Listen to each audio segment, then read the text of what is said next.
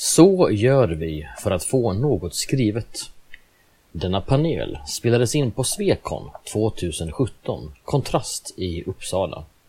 Medverkar gör Anna Wintersvärd, A.R. Yngve, Thomas Ornfelt, Eva Holmqvist, Nina Lux och moderator är Kristina Hård.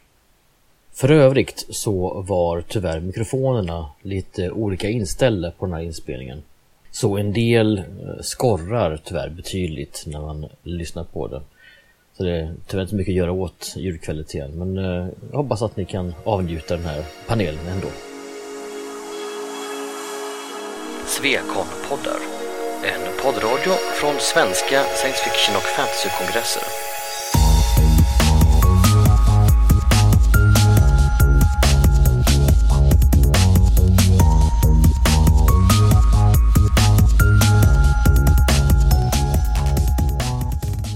Okej, nu är klockan tre. Och välkomna till eh, panelen Så gör vi för att få något skrivet.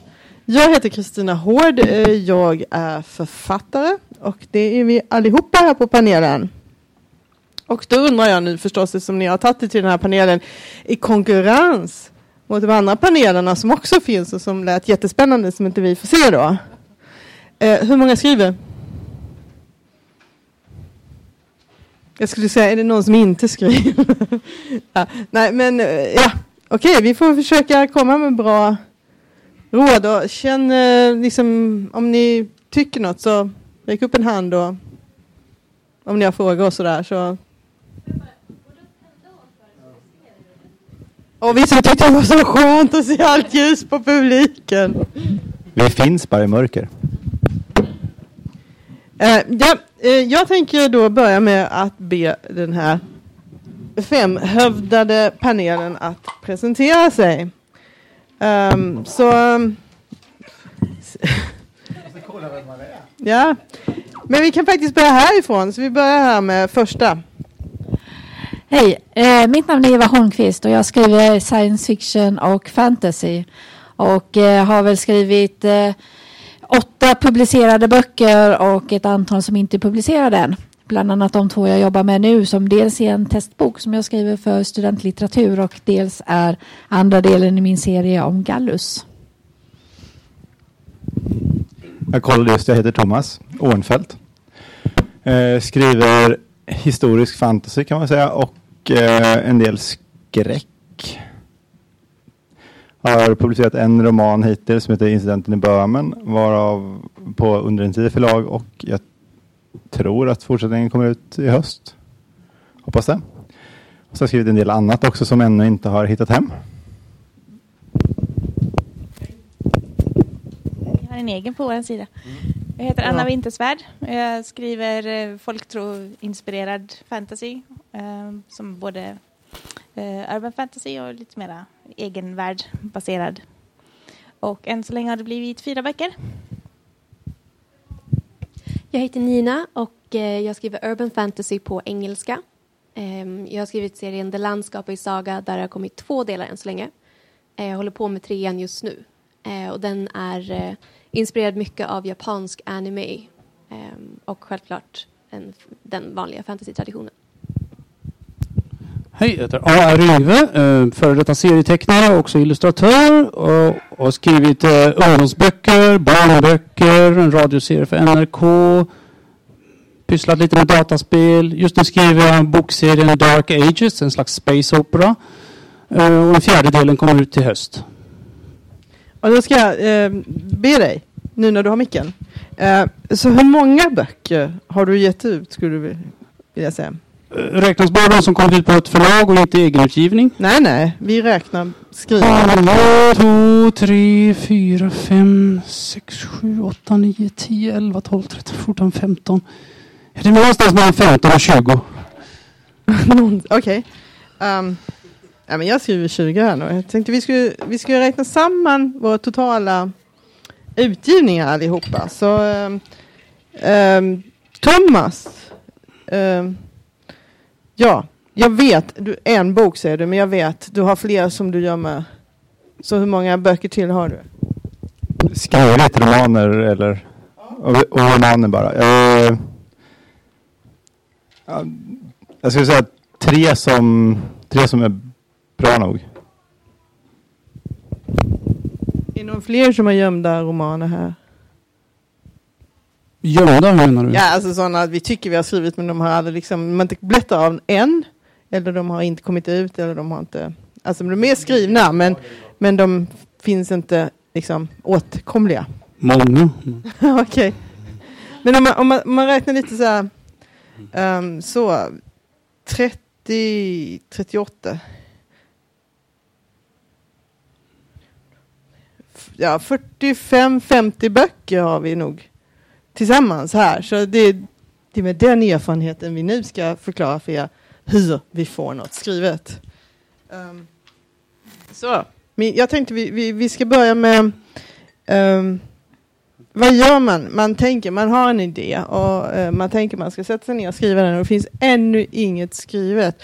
Och då undrar jag, hur gör ni när ni ska ta tag i den här allra första idén och försöka realisera den i någon sorts skrift på papper? Vad, vad är liksom, har ni någon eh, eh, Befinner ni er speciellt, liksom, mår ni på något speciellt sätt? Eh, har ni någon speciell eh, sak som ni alltid gör? Har ni ett arbetssätt eller är det, hur, ja, hur, hur tar ni an den allra första, första idén på en bok?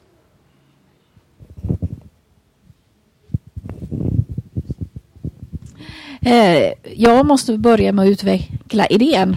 Eh, för att den där första idén är ofta så pass svag så att jag kan inte börja skriva någonting. Utan eh, då handlar det om att försöka eh, ta reda på vad det egentligen är jag är ute efter. Och jag brukar ha mer fokus på ursprungssituationen, alltså där berättelsen börjar och försöka få en känsla för okej, okay, vad är det för karaktärer? Hur ser världen ut och eh, vad är problemet de står inför? Eh, jag har nog inte en enda bok som inte börjar med någon form av problem. Och det är där jag liksom börjar tills jag känner att ja, men nu vet jag vad startskottet är. Sen kan jag börja skriva. Um, jag har lite grann samma approach där som när det gäller research. Min favorit researchmetod är nämligen fråga en vän. Hitta någon som kan något. Eh, så jag brukar, för mig så handlar idéer oftast om en bild eller en tanke så. Någon känsla. Sen brukar jag bolla den på någon stackare som inte förstår ett jävla något av vad jag säger. Och så får man lite slumpmässig feedback på det. Och sen skriver jag. Um, någonstans mellan fem och 20 000 ord. Och sen börjar jag reflektera över vad jag håller på med.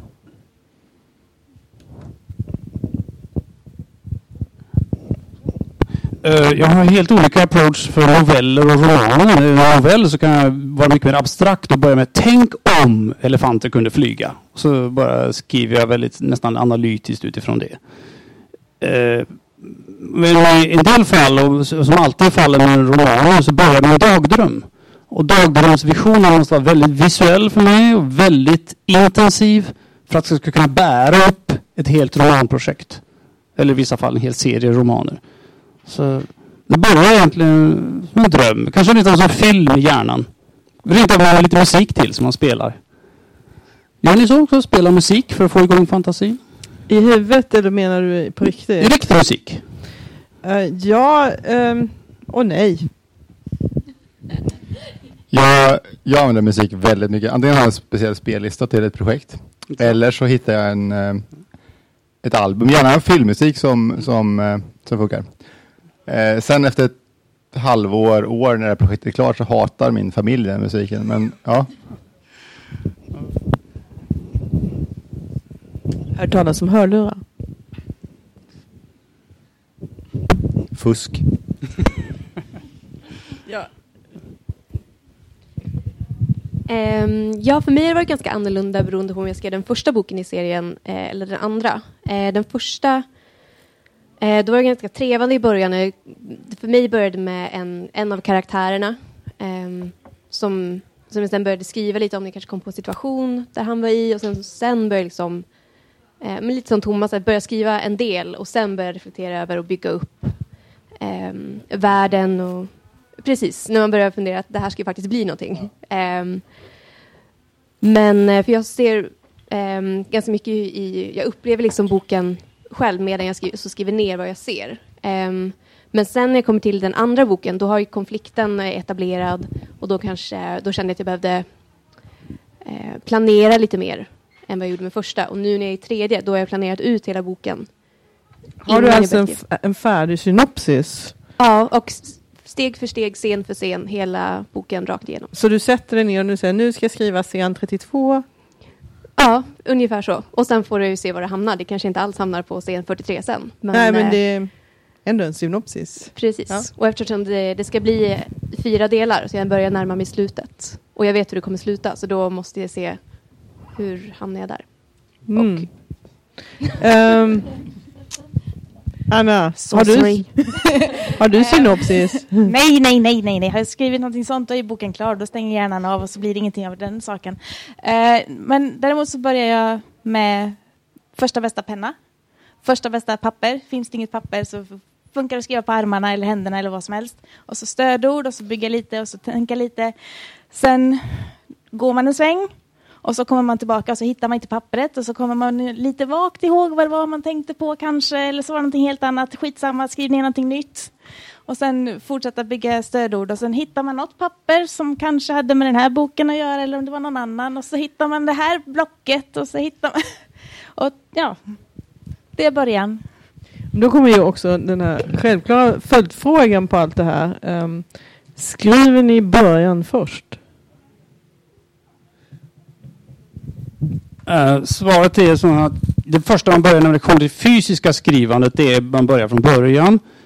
Jag har hört om deckarförfattare som skriver slutet först och sen jobbar sig mot det efteråt. Men i slutet har man redan en idé om i tankarna.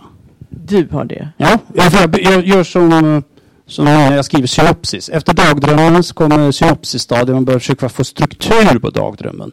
Gärna med, jag ritar ofta skisser av, miljöer och karaktärer så jag har en klarare idé om hur de ser ut.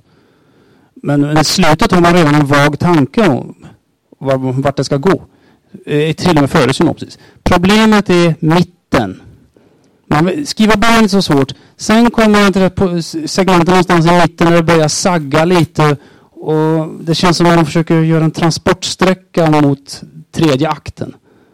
Om man tror på det här med klassisk treaktstruktur. Har ni liknande erfarenheter eller är det mitten, början eller slutet ni kör fast på? Alltså jag kan ju säga att jag skriver inte alltid början först. Um, uh, jag skriver inte heller slutet först för jag känner oftast inte till slutet. Jag är urusel på att göra synopsis.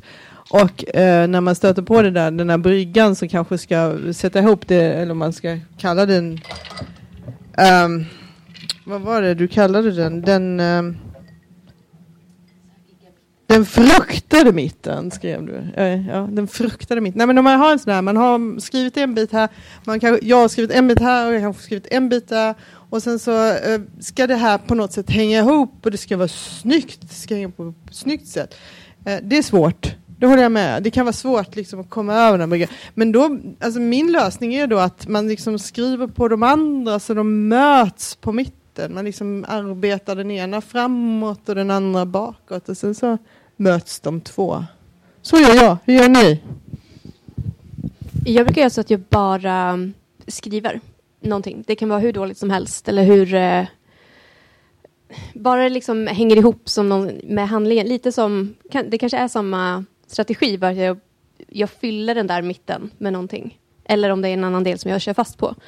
Ehm, för att du kan liksom inte redigera en tom sida, men det går att redigera någonting dåligt. Så om jag bara så här får någonting i mitten så kan jag fortsätta och komma tillbaka till det sen och rätta till det som behöver rättas till. Um, men då finns det någonting att, att ta i liksom där ändå. Alltså jag tycker det där eh, motivationsproblemen kan komma på många olika ställen men eh, oftast så kan det vara i början innan jag kommit in i berättelsen så starkt så att jag verkligen lever den.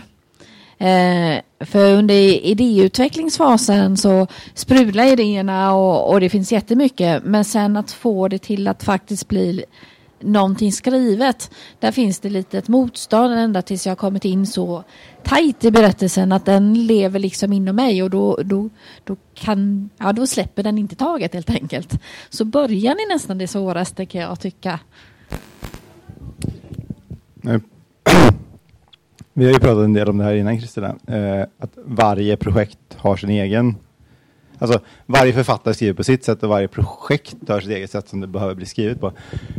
Men jag har ändå någon form av standardmodell som varierar mellan projekt. Och det är att jag skriver ju början först. Oftast sist också. Um, men jag skriver ju kronologiskt, alltså kronologiskt som läsaren läser. Mycket eftersom jag vet inte hur det ska sluta. Jag vet ungefär kanske var det ska sluta. Men inte hur. Var men inte hur. Mm. Um, svårt att, om man ska spoila för mycket, det är lite jobbigt med de böcker jag skriver. Men jag vet liksom, det finns en logisk sekvens i det som ska hända, men exakt hur det går det vet jag aldrig riktigt när jag börjar. Och precis som Anna, hade jag vetat det hade jag nog inte skrivit det. För då har jag redan gjort det. Jag har gjort den resan. Och jag skriver från början till slut. Av den enkla anledningen att det är jävligt tråkigt att skriva. 90 procent av tiden. Eh, och skulle jag då unna mig att skriva de roliga bitarna skulle jag aldrig skriva de tråkiga bitarna. Sen Jag, samtidigt jag måste bara säga, liksom, om man tycker det är tråkigt, ska man verkligen då skriva Thomas? Finns det val? Jag kan inte låta bli. Ska vi inte vara sådana? Eh, jo, men och sen, och sen när man skriver kronologiskt, då vet man hela tiden att man är på rätt spår. För då har ju berättelsen sin egen fart. Och man kommer så småningom märka när man är färdig. Men att skriva liksom, pusselbitar lite här och var och pussla ihop dem. Dels så blir man ju förvirrad, som om man inte var det redan innan. Och dels så jag måste bara säga, jag har faktiskt skrivit en sån berättelse, men den blev liksom... Den fick vara i den ordningen. Ah. Mm. Och sen byter man dator emellan så försvinner en massa text och så hittar man inte den. Och så, det är liksom, man, man tappar bort sig på ett mycket enklare sätt när man inte vet vart själva historien är på väg. än När man försöker liksom bestämma allting själv. Uh, apropå det som Thomas sa om att man, och Nina sa att man ska fylla de här partierna med någonting, vare sig bra eller dåligt. Jag, jag har svårt för det. Så när jag var serietecknare så fick jag lära mig att jag måste komprimera handlingen. Bara ta bort allt dödkött. Fokusera på höjdpunkterna. Ni vet, i tecknad serie är det så. Det, det, och då, då har jag färgat av sig på alla böckerna. Jag har bara tagit bort de tråkiga partierna. Bara hoppa från höjdpunkt till höjdpunkt. Liksom, dagar senare, en ny actionscen. Och, men det, det, det, är inte alla läsare som gillar det tempot. Det, det kan bli lite för intensivt. Lite för intensivt för en, en del. Så om vi har en liten handuppräckning här i panelen nu eftersom vi bara har två mickar. Det blir lite... Uh, hur många har slutet klart för sig och hur många har, in, uh, hur många har slutet klart för sig? Alltid, alltså att det måste vara det. Ni är bara två. Och så vi andra, vi mer liksom röra sig i okända vatten. Får jag säga, jag, det är inte helt klart, men jag vet ungefär vart Ja men ungefär var det ska sluta. Fast jag, tror, jag tror jag förstår vad du menar för att jag kanske inte har slutet klar men jag vet vilken känsla jag vill boken ska ha när den är slut och vad jag vill lämna läsaren med, vad de sitter där med liksom. Och sen får man, och mycket för mig är liksom vilka känslor jag vill förmedla med texten och vilket, hur jag vill läsaren ska må. Eh, och hur jag kan styra läsaren att må på det sättet. Så det är väl lite styr också handlingen. Um, just det, vilken känsla man ska landa i. Den tycker jag är, alltså vilken känsla man vill starta i, vilken man vill till. Den tror jag. Och sen kan ju i slutet komma en, en historia som jag hoppas kommer ut snart. Den, um, den var mitt i när jag lyssnade på en, en Tåström-låt och insåg att det är så här den måste sluta. Så det, ja, ibland vet man ju på vägen någonstans. Det är ju också lite olika olika projekt. Eh, jag avslutade förra året en trilogi. Ursäkta. Nej. eh, den första boken Eh, den hade jag ingen aning om slutet när jag började skriva. Utan det utvecklade sig medan jag skrev. Andra boken så hade jag en eh, svag känsla över känslan som jag ville att den skulle sluta i. Men den utvecklades sig också under boken. Och så kom jag till tredje boken. Eh, och hade heller ingen aning om hur hela friden den här trilogin skulle sluta. Eh, men kom ungefär halvvägs och så insåg jag det att ja, men om jag fortsätter på det här viset för jag införde nya trådar hela tiden och det kom nya människor in i berättelsen. Så jag kommer inte få ihop den här trilogin på en halv bok. Det finns liksom ingen chans. Utan då var jag tvungen att gå tillbaka och titta över strukturen och fundera över vad i trilogin är de bärande temana. Vilka karaktärer är de bärande karaktärerna? Vilka av de här vill jag liksom verkligen se till så att de, eh, de på något sätt hamnar i, i ett mer stabilt läge på något sätt. Så jag fick liksom göra en halvhalt halvvägs in i projektet. Eh, och sen så fortsatte jag utan att fortfarande ha någon aning om hur det skulle sluta. Eh, och så när jag hade kommit, jag började närma mig vad som borde vara slutet, då fick jag ytterligare en halvhalt och tänka om och fundera och ha mig. Eh, så den här boken tog mycket längre tid att skriva än vad jag trodde just på grund av att jag fick göra massor med halvhalter för att det var slutet på en trilogi och den behövde liksom knytas ihop på, på någonting sätt. Eh, och då behövde jag ha lite grann mer kring slutet lite tidigare än vad jag hade behövt ha för de andra. Får jag bara fråga? Eh, du skriver in den trilogin. Du har också en bokserie på gång. Har du serie på gång? Jag håller på med nu. Ger ni ut varje del för sig? Och sen så... Ja, dumt nog. Ja. Ja, det är jättedumt. Mm. Ja. Eh, jag eh, gick, den första delen skrevs ganska långt innan de två andra delarna för den började skriva på 2006 och den kom ut 2012. Eh, Andra delen kom ut i slutet av 2013 och sen så eh, sista delen kom ut eh, liksom förra gången. Så det är, eh, det är dessutom ganska många år emellan eh, böckerna. Vilket är lite dumt då när man ändrar slutet liksom mitt i. Eh, den riktningen som jag hade tänkt med slutet från början, den ändrade jag dessutom totalt under vägen. Uh, nu tänkte jag ändra lite riktning på panelen här. Jag tänkte ta lite mer så här, liksom hands-on här uh, när ni hamnar i olika situationer. Men min första fråga är liksom så här, är ni beroende av att sitta på en viss plats? Måste det vara, har ni liksom så här att det måste vara vissa saker på skrivbordet eller det kan inte finnas tvätt i hörnen? Eller ja, har ni några sådana tvångsbeteende runt skrivandet? I can't write without my lucky charm. Nej, nej allvarligt talat. Det behöver en PC och lite mer och, och gärna musik i hörlurarna. Det får räcka. Men, jobbigt förstås när andra i familjen ska se på TV i samma rum och ha saker på hög volym. Sånt är jobbigt. Det är bäst att ha ett eget rum. Men var det är, det spelar mindre roll. Det kunde ju lika gärna vara en skrubb. Jag hade ett jättefint arbetsrum när jag bodde förut. Det var jätte, jättebra. Så jag satt i köket och jobbade istället. Um, och, men det är just alltså, ja, lugn och ro. Någonstans att sitta. Det får inte vara instängt utan det måste ändå gå kika ut lite grann. Så man inte får så här, känslan av att jag måste bara titta på skärmen utan blicken får gärna glida iväg lite grann. Men annars är det inga sådana ritualer så att vi måste stå på ett ben en halv minut och sen dricka tre koppar te. Och, det, Nej, alltså. Det måste inte vara en PC heller kan jag säga. Ehm, tricket för mig har nog alltid varit en dator som startar snabbt som fan.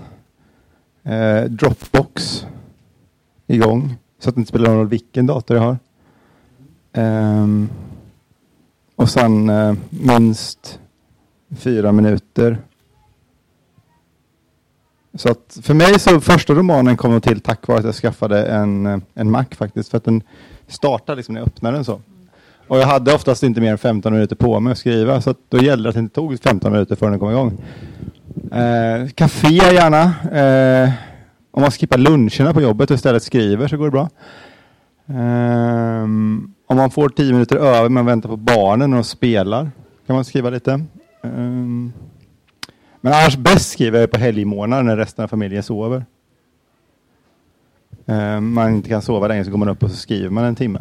Ja, men det är också en fråga om vi eh, tar eh, tid på dygnet kan vi lägga till här också. Eh, jag har länge trott att jag är kvällsmänniska för jag är, har svårt att gå och lägga mig på kvällarna.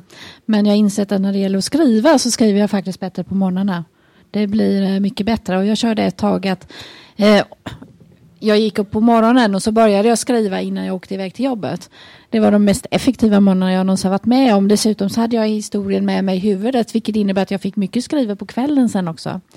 Eh, det där fallerade tyvärr bara när min man slutade veckopendla så att vi äter frukost tillsammans. Då blev det liksom inte riktigt lika lätt.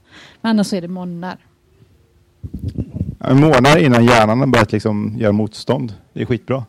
Jag är inte morgonmänniska, alltså bara så folk inte får någon dum uppfattning om mig här.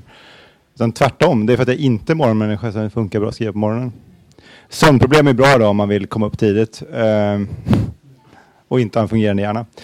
Eh, men jag håller, med, jag håller med Eva, lite och ofta så att man håller liksom, alltså skriv hellre 50 ord om dagen. Det är ändå 50 ord som inte fanns igår. Eh, och sen eh, ofta så att historien hela tiden är med en. Eh, jag skulle faktiskt vilja varna alla blivande författare om att sitta uppe för sent. Det, det, det, kommer till ett högt pris. Till slut så blir hjärnan så ineffektiv av sömnbrist så att eh, du inte får till det. I alla fall jag som är... Är jag äldst här? 48? Ja. Alltså, när, när, Nej! Okej. När, när man är 48 så orkar man inte sitta uppe hela natten och skriva. Man kan göra det när man är helt slut dagen efter. Så det, jag, jag gillar Thomas råd. Finn de här korta tiderna du har över. Det är ett bra råd. Man orkar inte sitta uppe när man är 27 heller. Men eh, jag skriver också på morgonen. Eh, när jag var student så skrev jag tre timmar varje morgon, sex dagar i veckan, oavsett vad. Eh, nu när jag jobbar så är det lite svårare att få till de där tre timmarna på morgonen. Men eh, då är helger väldigt bra. Jag tycker det är jätte, jättemysigt att gå till ett café och sitta typ hela dagen och bara dyka ner i en historia och sitta där och skriva. Med kaffe eh, kommande hela tiden. Um, men jag tror precis som många sagt så här, försök hitta liksom när, när precis din, när din hjärna fungerar som bäst. Sämst. Eller sämst, beroende på vilket som funkar bäst. Och, eh, eller sämst. Och eh, utnyttja de timmarna helt enkelt.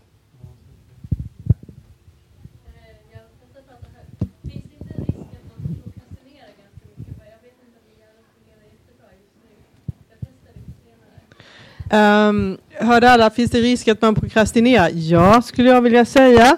Det finns ju något som heter internet. Nu är det ju så att, att sitta och eh, ut och surfa på internet, där, när man är författare så, så är det inget, då surfar man inte, då gör man research. Så det kan man ju motivera sig med. Uh, men uh, jag skulle säga att det är jättelätt för att prokrastinera. Vad tycker ni? Och vad tycker ni om, alltså den största fan tycker jag är internet. Absolut. Eh, om man tänker i, om man, vad ska man säga, i eh, det med att hitta där sin hjärna fungerar. Eh, för mig så funkar det, och det är enda anledningen till att min första bok blev klar, att jag, bestäm, jag visste att jag skrev bäst på morgonen. Och då bestämde jag tre timmar varje morgon. Det spelar ingen roll om jag skriver noll ord eller om jag skriver 3000 ord. Jag satt där de tre timmarna. Ibland satt jag bara och fikade med mig själv. Eh, men så att man ändå sitter där. Det här, det här fungerade för mig. Eh, att jag ändå satt där varje morgon och sen till slut, ibland satt jag en timme och sen började det liksom komma igång. Um, men jag tror det gäller att hitta liksom sina egna fallgropar och, och uh, bygga broar över dem på något sätt. Jag tycker snarare att, eller jag, jag, håller, jag håller med egentligen, men det handlar också om det här att komma ihåg att det måste inte vara roligt. Alltså jag är inne på det. Uh, men jag har hållit på mycket med idrott innan också. Jag menar, varje träningspass är ju inte kul. Men det är målet som är roligt. Det är ju att nå fram, att nå den där, ta den där jävla medaljen eller vad det nu man vill göra. Eh, eller bara känslan det faktiskt funkar.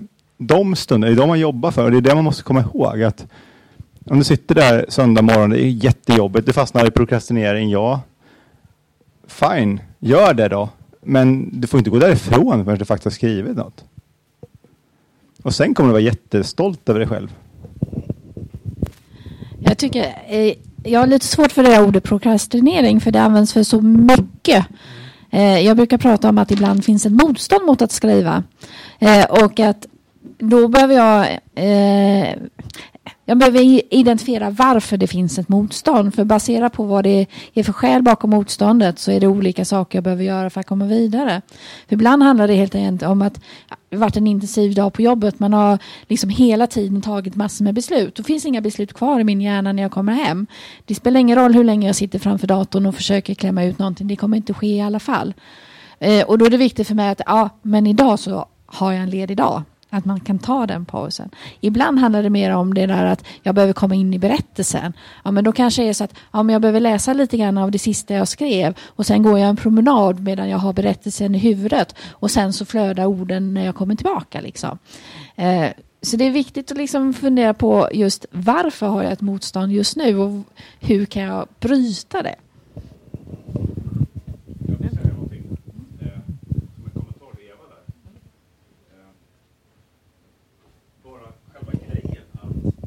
Vara rädd för att misslyckas är ju en jättestor bit av... Jag är både musiker och låtsasförfattare och you name it. Men jag, ibland så bara, nej, jag vågar inte försöka. För tänk om det blir dåligt. Så då låter jag bli istället. Och det är en ganska klassisk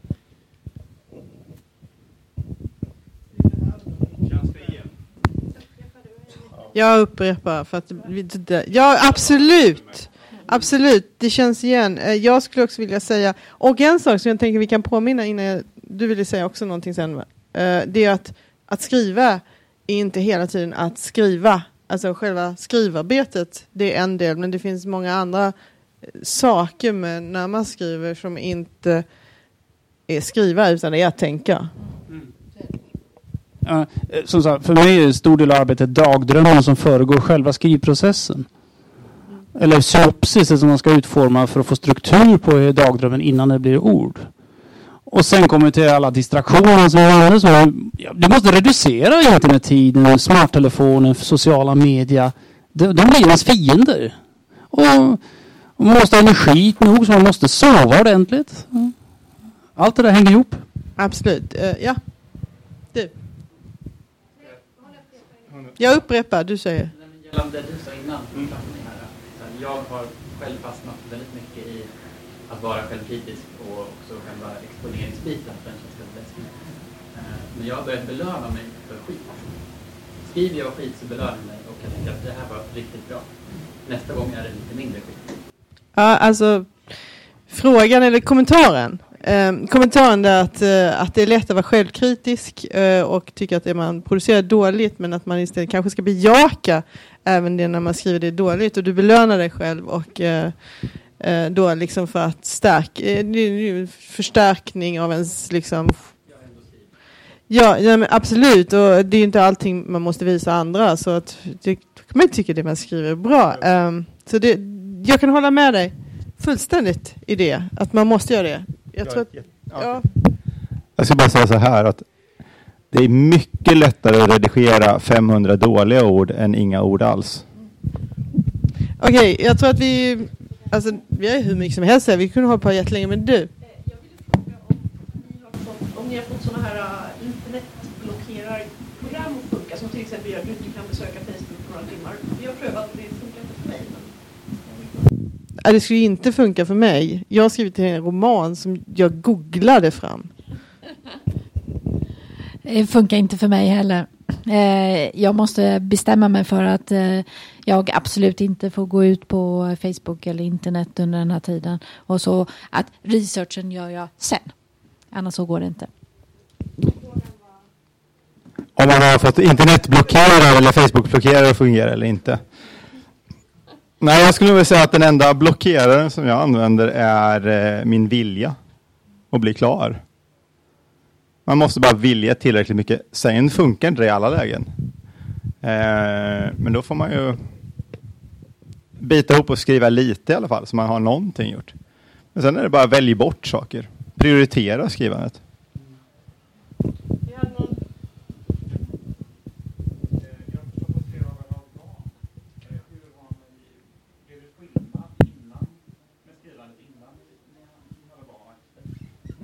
Frågan är att eh, om man har barn, påverkar det skrivandet? Eh, är det någon skillnad från innan man fick barnen, när barnen har kommit, eller som i, min, i mitt fall när barnen är vuxna? Och då kan jag ju säga att det är stor skillnad när de är vuxna och de inte längre kommer in i rusande rummet och säger jag är hungrig, finns det mat? Eh, jag instämmer med Kristina, mina barn är också vuxna. Eh, Och jag skrev ju under småbarnsåren och sånt, men det är mycket lättare nu. Eh, samtidigt så är det viktigt att faktiskt eh, vara tydlig med att ja, men jag behöver skriva. Eh, och vara tydlig för barnen att okej, men jag behöver göra det här nu. Men sen kommer jag att faktiskt ge dem den tiden när man väl har tid, så man inte bara skjuter undan dem hela tiden. Ja, alltså det där mina barn har blivit lite större nu så de kan ju fixa mat åt mig när jag skriver. Men eh, sen blir det lite spännande mat ibland. Men eh, skitsamma. Eh, jag tycker som du att det är väldigt viktigt att man är tydlig mot dem att just nu gör det här, det är viktigt. Sen har det också inneburit att jag har skrivit en bok som jag aldrig trodde jag skulle skriva. Jag glömde bort den för jag har faktiskt skrivit en barnbok som de beställde av mig. Det var väldigt roligt. Ehm, men eh, jag tappade poängen, det var ganska kul. Eh, kan behålla den. Eh, ja, nej, men eh, man hade ju tid på ett helt annat sätt innan barn. Det, det går inte att komma ifrån. Då kunde man ju sitta uppe om nätterna och ta sovmorgon och liksom själv bestämma över sitt dygn och sin tid och allting. Nu är det liksom Sitter jag uppe sent så får jag ta att det blir ingen vettig dag dagen efter. Och särskilt som min unge är en sån här liten nattuggla så att det är ofta som liksom okej, men nu går vi och lägger oss. Kan du? så. Jag tror lite grann det handlar om det här att det blir ännu viktigare med prioriteringarna. För det blir familjen, barnen, se till att det finns mat. Sen skrivande. Och sen allting annat, vilket gör att det blir ingen tv. Det blir inga tv-serier. Annars blir det inget färdigt skrivet. Ja, Jag håller med er alla. Barn tvingar att prioritera vad som är viktigt. Vär- Eh, värsta tiden när barnen är riktigt små och väcker en och- eller får kolik och du blir helt sömndrucken. Och då, är, du- då är hjärnan helt värdelös för att skriva med. Men jag, jag kan också tillägga det att alltså, det, det är kämpigt eh, periodvis med barn och skrivandet för att det är en kreativ process. Men det är himla, jag tror att de tycker, alltså, jag inbillar mig att de tycker det är himla coolt att ha en mamma som är författare när de är lite äldre. Så det finns ju ändå vissa, ja. Min son skulle skriva idolporträtt i skolan. Han valde sin pappa. Hade vi någon fråga? Var det någon som räckte upp handen där eller? Där?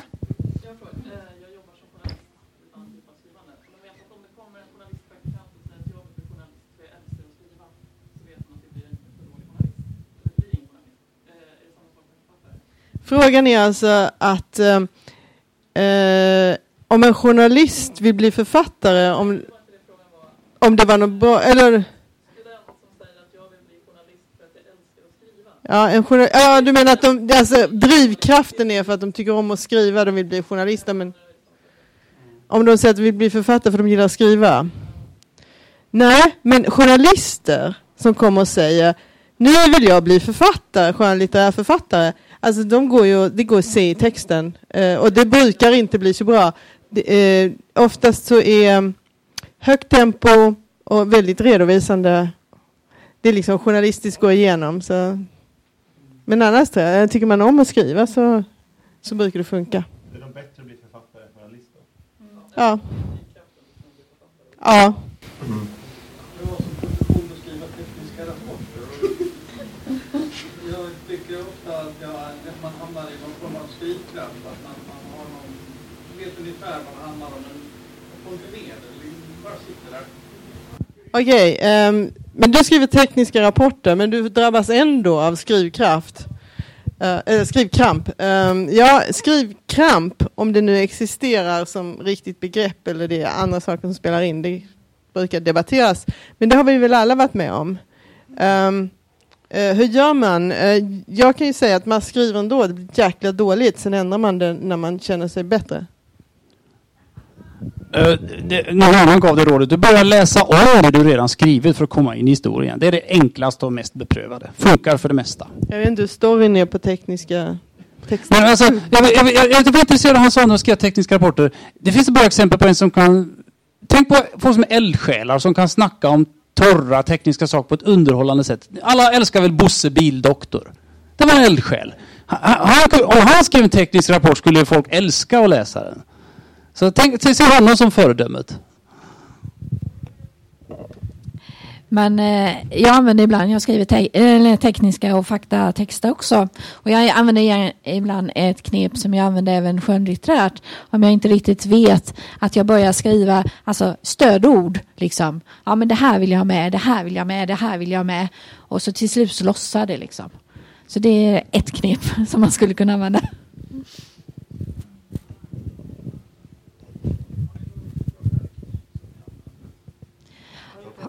Eh, har du någon typ av verktyg som ni använder?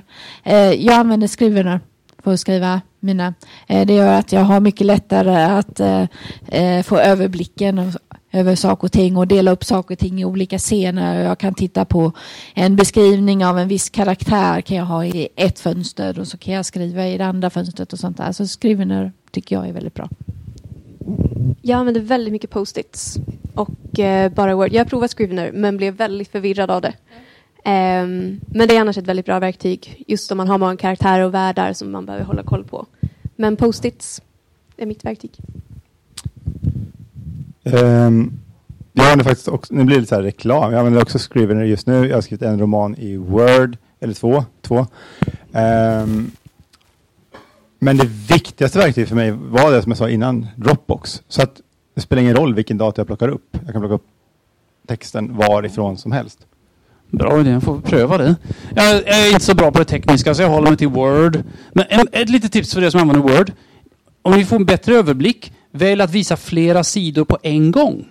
Då får du faktiskt, om du klarar att läsa den lite mindre texten, får du genast lite bättre över, överblick över hur scenen flyter.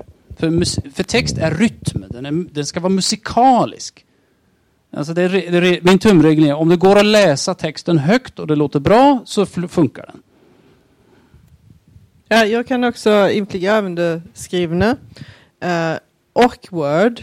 Um, uh, och jag har en sån här jättestor extra skärm som jag kan lägga upp liksom flera sidor i. Liksom, så att jag kan liksom följa storyn så här. Så att jag har en sån här megaskärm. Ja, eh, när man har skrivit klart så kommer man till revideringen. Och den tycker jag, har ni något tips för hur man, börjar ni från början och bara kör igenom det en gång till och kollar eller har ni någon process där? Um, jag, uh, jag tycker det är allra roligast med redigering. Det är jätteroligt. Uh, man skriver om uh, texterna flera gånger. Uh, och uh, man måste läsa det man har skrivit också flera gånger och sen så till slut så ska man läsa allting högt. Eh, för läser man högt så hör man sina egna grammatiska fällor som man har hamnat i. Så, och det är jättebra att stå upp när man läser högt och det är mycket lättare att läsa högt när man står upp. Så det är bara att ställa sig och hålla hov. Eh, jag eh, gör så att jag läser igenom hela manuset från början till slut och försöker få reda på vad handlar egentligen den här boken om. Eh, vilket kanske säger mer om mig som författare, att jag kanske inte alltid vet det. Det kommer fram massor med undermedvetet i texten som jag sen behöver redigera fram så det blir tydligare eller bättre. Och under tiden så gör jag en synopsis. Så jag gör inte en synopsis innan jag skriver utan jag gör det för att få en syn på strukturen och se vad jag behöver redigera innan jag börjar med grovstrukturering, redigering och sen ta in massor med provläsare och så redigera massor med gånger. Eh, jag kan ju säga det att de senaste eh, omgångarna av redigering är ganska tråkiga. Mm. Det är utforskande skrivande som är mest roligt. Du får ingen mick, Anna. Eh, nej upprörd. Nej, det är ju redigeringen som är det roligaste. För som sagt, det är då man upptäcker vad det är man har gjort. Och det är då man kan sitta där och bara, ja, åh, vad smart jag var. Titta, den hör ihop med den där. Och titta där. Och oj, hur blev det här? Och det, så det, det är bara liksom ta på sig musöronen. För det behövs för att göra det ännu roligare då man är omoterad. Så kan man liksom ha sin egen så här Askungemus och så bara, nu gör vi det här och så går man igenom och så tittar man och så fastnar man och det där ordet, det kanske vi ska byta ut mot det här. Alltså, så man liksom verkligen nördar in fullständigt. Det finns ingenting annat som är så roligt i hela världen som att bara titta på den här texten. Då blir man motiverad. Ja, jag tycker inte så mycket om redigering. Jag ser det som ett nödvändigt ont. Men man upptäcker oundvikligen en massa fel och grejer och det måste göras bättre. Uh, det, jag uppskattar förresten tipset från dig Kristina om att läsa texten högst. Det var väldigt smart. För det, det, det är så lätt att bli hemmablind på sin text. Um, Jag låter ofta någon annan läsa min text. jag tänkte just säga det, mitt trick är ju samma som, som med research. kapitel. Snälla, kan du läsa det här för mig? Om man vågar. Exakt. Tillbaka. Eller, ja, det funkar. Ja. Eller så sitter jag med manus och stryker nej. Och ändrar. Det är jättebra. Vi har fått stoppsignal här. Ehm, så eh, vi, vi... Ja, så jag skulle tänkte så att eh, vi avrundar här nu så du får... Ja, det är så här, samma som med research, fråga en vän. Alltså, jag har jättesvårt att ta distans till mina egna texter, så jag brukar be någon annan läsa, ta deras kommentarer och då på något sätt kan jag använda dem för att, för att komma ett steg bort. Ett annat bra trick för att slippa göra redigering själv, det är att skriva makron i Word som går igenom texten och letar efter skit. Så det gör jag. Vi har ett samarbetsprojekt på gång här.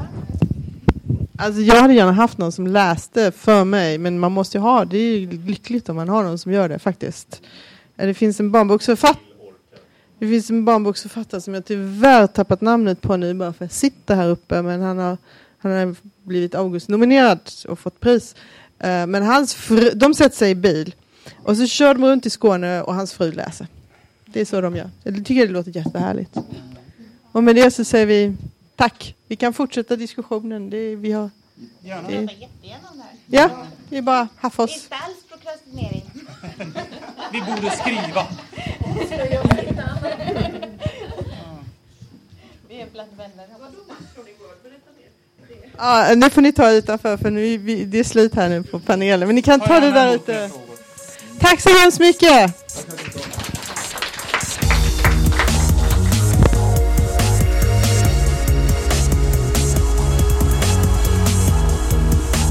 Musiken av Psychedelic Pedestrian från Free Music Archive.